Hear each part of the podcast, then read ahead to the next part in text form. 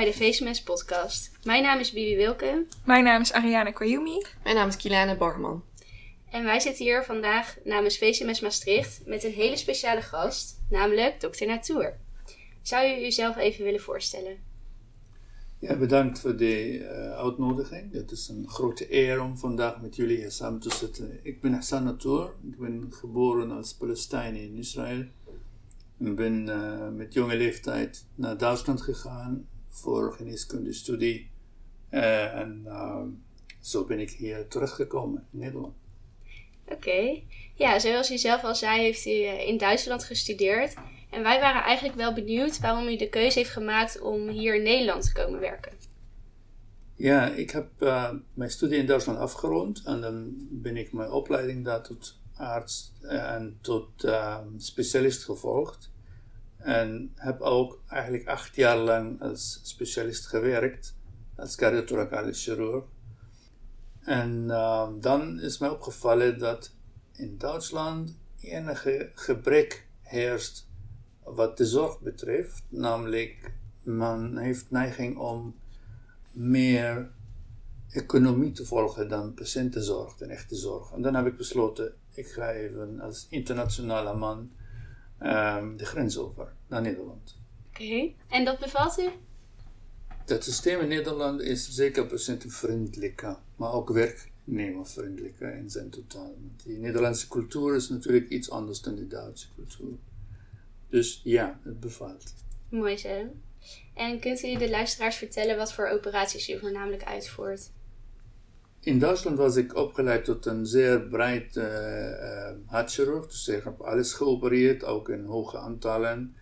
En met de jaren heb ik me gespecialiseerd in aortachirurgie, chirurgie van de grote lichaamslagader, naast uh, hartfailure Dus hartinsufficiëntie en dat, heeft, dat komt omdat ik eigenlijk ook assisted therapie en harttransplantaties en longtransplantaties verricht heb. Vandaar dat mijn interesse ook uh, nog steeds in de uh, therapie zit. Maar in Maastricht doe ik ook voornamelijk aortochirurgie. Ja. ja, want een van uw expertises is de elephant trunk operatie. Wat maakt deze ingreep zo bijzonder? De elephant trunk uh, je moet je het zo voorstellen dat wij het hebben over een elefantenslurf die wij in de aorta achterlaten. Deze techniek werd geboren in Hannover um, met het idee dat je een multisegment pathologie van de aorta therapieert. Namelijk als een patiënt een aortaboog, een aorta descendens aandoening had, aneurysmatisch of dissectie, dan zou je beide gebieden van de aorta moeten benaderen. Dat is moeilijk in een ingreep. En daarom is het toen ontstaan zodat wij de aortaboog eerst repareren. En met deze prothese, met het pauze, voorbereiding doen voor de volgende operatie, voor de aorta descendens. En uh, dan wordt deze prothese geduwd en achtergelaten in de aorta descendens. En als je het zo bekijkt, dan lijkt het op een elefanten slurf. Dus die beweegt zich vrij in die aorta descendens. En later na herstel van de patiënt moet hij dus deze operatie opnieuw ondergaan, namelijk van de zijkant, opnieuw geopend. En dan moet hij de aorta descendens vervangen. Deze prothese wordt dan gevonden en naar beneden getrokken, waar je die nodig hebt, richting buik, aorta of diafragma. Dat is de elefantrankoperatie in feite. Het bijzondere aan deze operatie is dat de patiënten natuurlijk een erg grote ingreep moeten ondergaan zonder dat ze, of meestal zonder dat ze symptomatisch zijn. Ze hebben geen klachten. En uh, deze operatie is daarom uh, uitdagend, omdat je niet alleen het hart moet stilleggen, uh, maar ook de hele bloedomloop. En dat is die uitdaging aan deze techniek. Ja, dat klinkt als een hele ingrijpende operatie. Ja, wij zijn eigenlijk wel benieuwd, en dat is misschien ook wel een mooi bruggetje uh, naar uw stichting. Uh, welke casus of patiënt is u het meeste bijgebleven? En met name ja, doelen wij dan op uh, waarbij het leven van de patiënt als het ware is stilgezet. Ja, als ik zei, deze operatie is daarom uitdagend, omdat je eigenlijk gezonde patiënten naar binnen krijgt, die naar mogelijkheid ook gezond moeten het ziekenhuis verlaten. En dat is moeilijk, want jij doet, je, je verricht een aanslag op een lichaam eigenlijk. En dat moet verwerkt worden. De patiënten weten daarmee niks om te gaan. Ehm, welke patiënt in mijn geheugen is gebleven? Ik heb honderden van dat soort operaties gedaan. In totaal duizenden van operaties verricht. En er is iedere enkele patiënt in mijn geheugen gebleven. Ik maak deel van iedere lot van alle mijn patiënten. Toch één enkele patiënt kan ik hier noemen, die drie keer dat mee had gemaakt. Een jonge patiënt die een Marfan ziekte heeft. Dat is een uh, ziekte van de, uh, van de bindweefsellager in het lichaam. Is gebrek aan bindweefsel, daardoor wordt het vat minder stevig en dan hebben ze neiging tot aneurysma. En deze patiënt werd dus opgevallen als aneurysmatisch patiënt, waarvoor een eerste operatie door mijzelf is verricht in Groningen. En de tweede keer uh, krijgt hij een dissectie.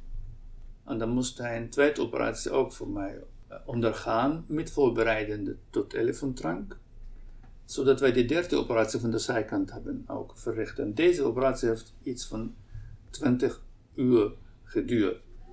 En de patiënt heeft het goed overleefd. En ik herinner me een eerste keer hem weer zien in de polykliniek met zijn vrouw. Die man die was gewoon echt als nieuw, als herboren iemand. Het is niet te geloven hoe de mensen met al die angsten en al die.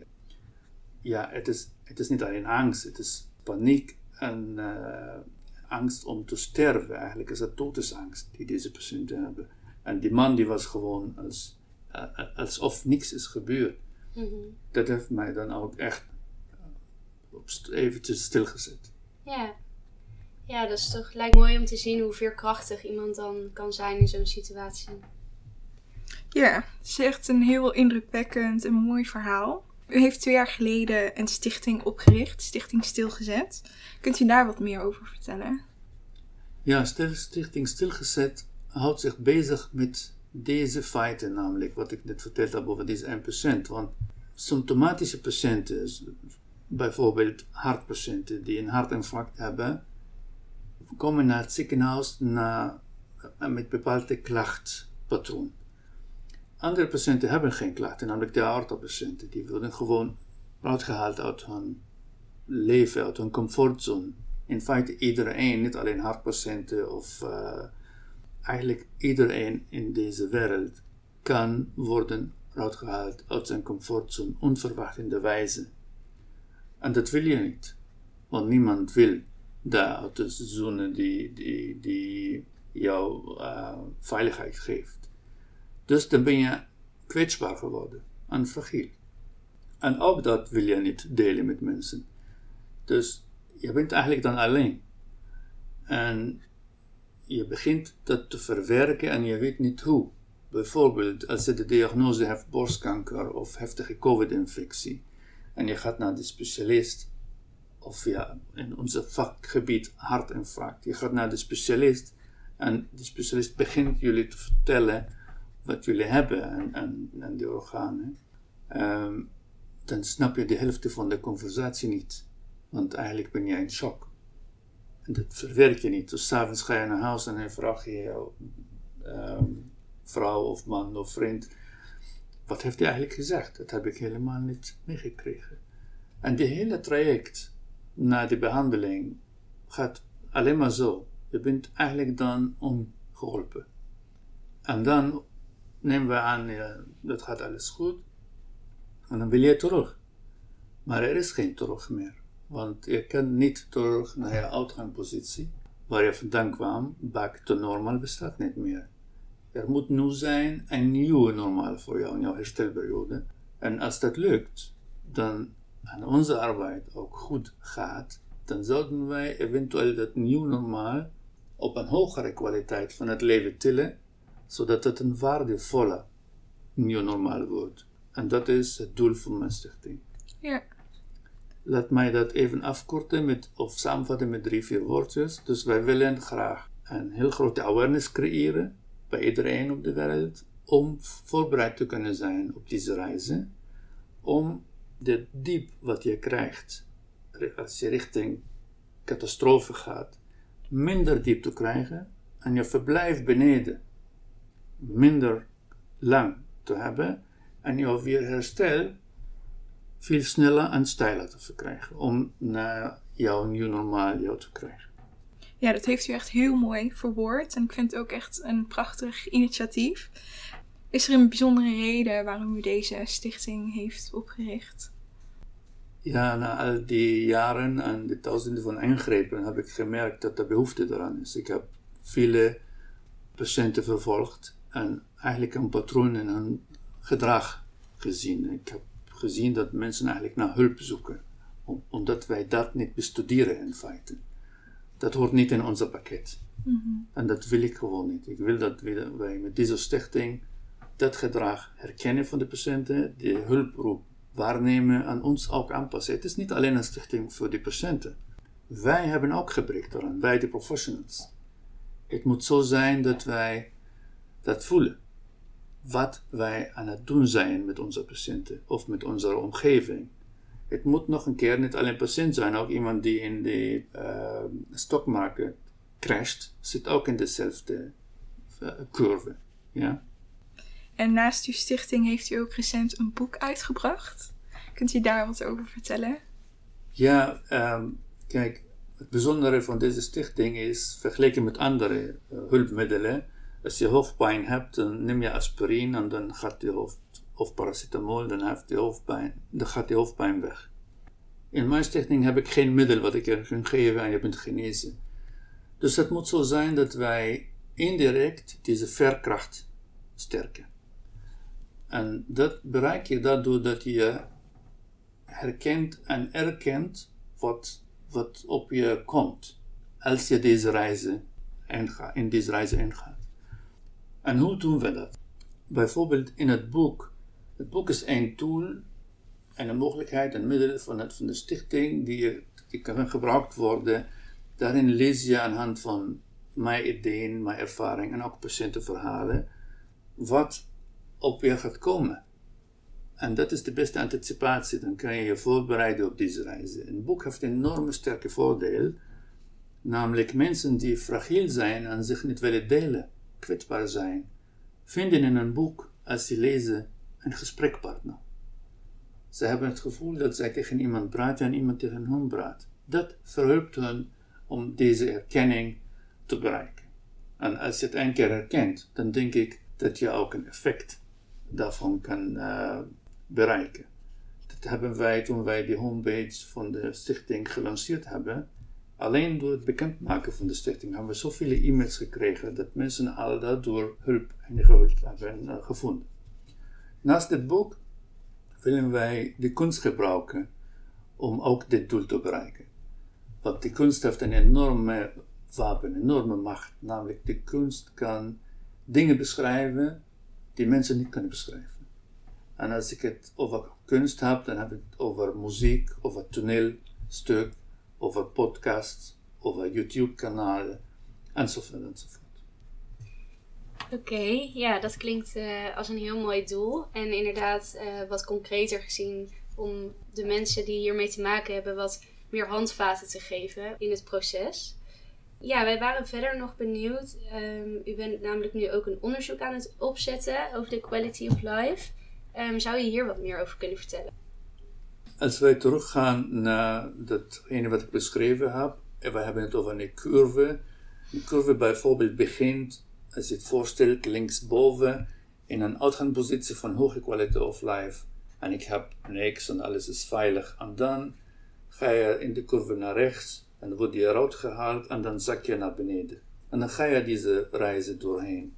Nou is de vraag, hoe is dat eigenlijk als je voorbereid bent om in deze reizen te gaan? Want nu reizen wij samen, wij weten niet wat daar op ons toekomt. Dat is zo alsof je in een, in een donker tunnel binnengaat zonder te weten wat op je gaat komen. En ik ben van mening dat als wij voorbereid alle zijn, alle met z'n allen, zowel patiënten, hun naasten en wij professionals, dat wij het makkelijker gaan hebben om terug te komen in de reizen. Om dat nieuwe me, dat nieuwe ik, aan het eind van de reizen vele malen makkelijker te bereiken. Dat betekent, ik wil meten wij in totaal met andere collega's willen, andere disciplines willen meten. Als wij iemand van tevoren voorbereiden, krijgen wij hem ook beter uit op het traject. Dat is in het totaal de onderzoek. Wij gaan namelijk zien hoe mensen reageren. In iedere fase in deze reizen gaan we een stopmoment maken en vragen stellen aan de patiënten, aan alle betrokkenen in de keten. Aan alle, ook aan de chirurgen, aan de psychologen, aan de familie. Uh, en dan zien wat wij verricht hebben. En dat gaan we terug bestuderen en kiezen daarvan twee, drie vragen. En, en, en dan adapteren wij dat, gaan we het aanpassen en zien of het, of het bij de volgende keer meetbaar is of niet. Dus het is uh, eigenlijk heel breed onderzoek. Ja, klinkt interessant. Ik ben uh, heel benieuwd wat eruit gaat komen. Wij ook. Verder is een van de doelen van de, de stichting natuurlijk het troost en inzicht bieden aan de patiënt en hun naasten, wat u, uh, wat u al zei. En wij waren wel benieuwd, hoe doet u dit zelf als arts zijnde? En zijn er dan bepaalde dingen waar u tegenaan loopt of wat u ons wil meegeven? Beginnen wij met dat wat ik jullie mee wil geven. Je moet realiseren dus dat je eigenlijk een licentie krijgt later als chirurg om mensen open te maken. Dat is een extreem waardevolle licentie. Dat heeft niet iedereen. Hè? Dat betekent je behandelt een mens en mag in hem snijden. Een mens. Wij moeten opletten dat wij niet de mens, deze zogenaamde patiënt, als een computer behandelen. Of als een softwareprogramma, wat nu even niet, niet draait. Of een telefoon wat opgeladen moet worden. En daar is enorm gebrek in onze opleiding. Ik wil vroeg op echt zeer vroeg in dit uh, curriculum van de geneeskunde ingrijpen en dat thema bekendmaken. Want er zijn niet voldoende cursussen daarin om te realiseren, oh wacht even, ik moet toch meer luisteren naar de patiënt en ik moet meer iets minder distantie opbouwen naar de patiënt, want vertrouwen is een bijzondere, belangrijke sleutel om dit geneesproces te versnellen. En daar moeten we naar naartoe ja, ik denk dat de stichting, uh, stichting Stilgezegd daar zeker een grote rol in kan spelen. En ik denk dat het belangrijk is dat het wat meer belicht wordt. Want uh, ik denk dat we daar wel erkenning aan kunnen geven dat dat zeker iets is wat in ieder geval uh, hier in Maastricht nog redelijk onderbelicht is. Dat is wat ik jullie wil meegeven. Ja. Waar wij tegenaan lopen, niet alleen als stichting, überhaupt in de huidige geneeskundesysteem in Nederland, maar ook in Europa in totaal is dat wij weggaan van de tijd die de patiënt nodig heeft. Wij volgen de tijd die wij hebben. Dus wij hebben per patiënt bijvoorbeeld 15 tot 30 minuten ingeroosterd. Dat is te weinig tijd van een patiënt die nu moet ervaren dat hij eigenlijk binnenkort een enorme levensbedreigende en ingrijpende behandeling moet ondergaan. Dus wij moeten in het systeem realiseren dat om dat te doen, en vertrouwen nodig is. Vertrouwen betekent tijd. Dus wij moeten echt dicht bij onze patiënten en jullie dus ook in de toekomst zijn. Alleen dan kunnen we dat behalen. En heeft u ook tips voor ons als toekomstige artsen hoe wij dit waar kunnen maken? Tips zijn altijd met, uh, met vertrouwen te beantwoorden. Dat is, het woord vertrouwen betekent dat je eigenlijk niet je bijzonders op kwetsbaar, kwetsbaar moet opstellen. Dus een patiënt aanraken, dicht bij de patiënt zitten, patiënt van aangezicht tot aangezicht aanspreken, niet als de patiënt rond ligt. Dat is wat je moet realiseren. Als wij een patiënt bijvoorbeeld naar onze operatiekamer meenemen, ligt hij in het bed, eigenlijk nakt, en heeft een patiëntenhemd verkeerd om aan. En dan wordt hij getild van het bed op de operatietafel. En dan doen we een zogenaamde briefing, which is good. Briefing is heel goed, want het geeft je zekerheid in je behandelingsschema. Maar de patiënt is het niet gewend. Hij is niet gewend naakt voor vreemde mensen te liggen. Acht mensen in mijn vakgebied kijken over je overheen. Dat is niet in orde. Laat de patiënt zitten. Spreek met de patiënt als hij zit. Dat is een heel ander gevoel. Als een patiënt wil ontslagen of visite doet, laat de patiënten in bed zitten. Dat geeft hun ook meer kracht, meer vertrouwen in je behandelingproject. Als je visite doet, zeg tegen de patiënt goeiedag, vat hem aan, kijk naar de pols, geef hem het gevoel dat je warm en voor hem daar bent. En dat is, daar is geprikt aan, vind ik.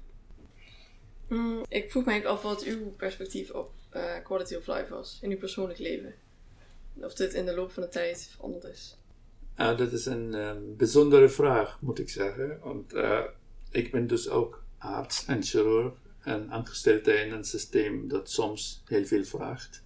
Maar ik, daardoor dat ik dat voor mij nu tot, tot een bijzondere werk in mijn leven heb gemaakt, ben ik wel wakker wat dat betreft. Ik heb hoge quality of life, ja.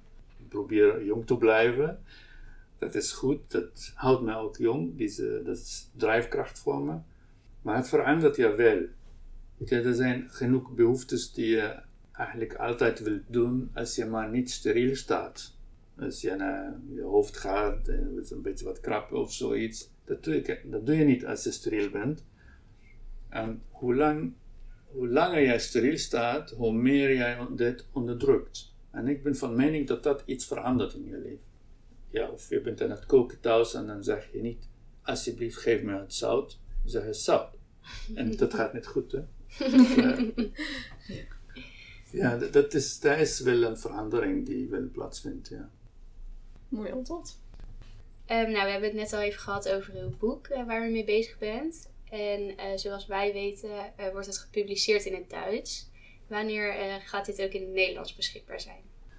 Ja, in, in het Duits inderdaad. Dat is vanaf vandaag, exact vandaag, um, is het vrijgegeven voor de, voor de print in Duitsland. En zal dan in maart verschijnen. Dat is definitief, dat is feit. En dat is mooi. Ik heb parallel nu werk ik aan een uh, versie, Engelstalige versie. Dat, is, dat gaat ook komen, dat is ook definitief, een feit.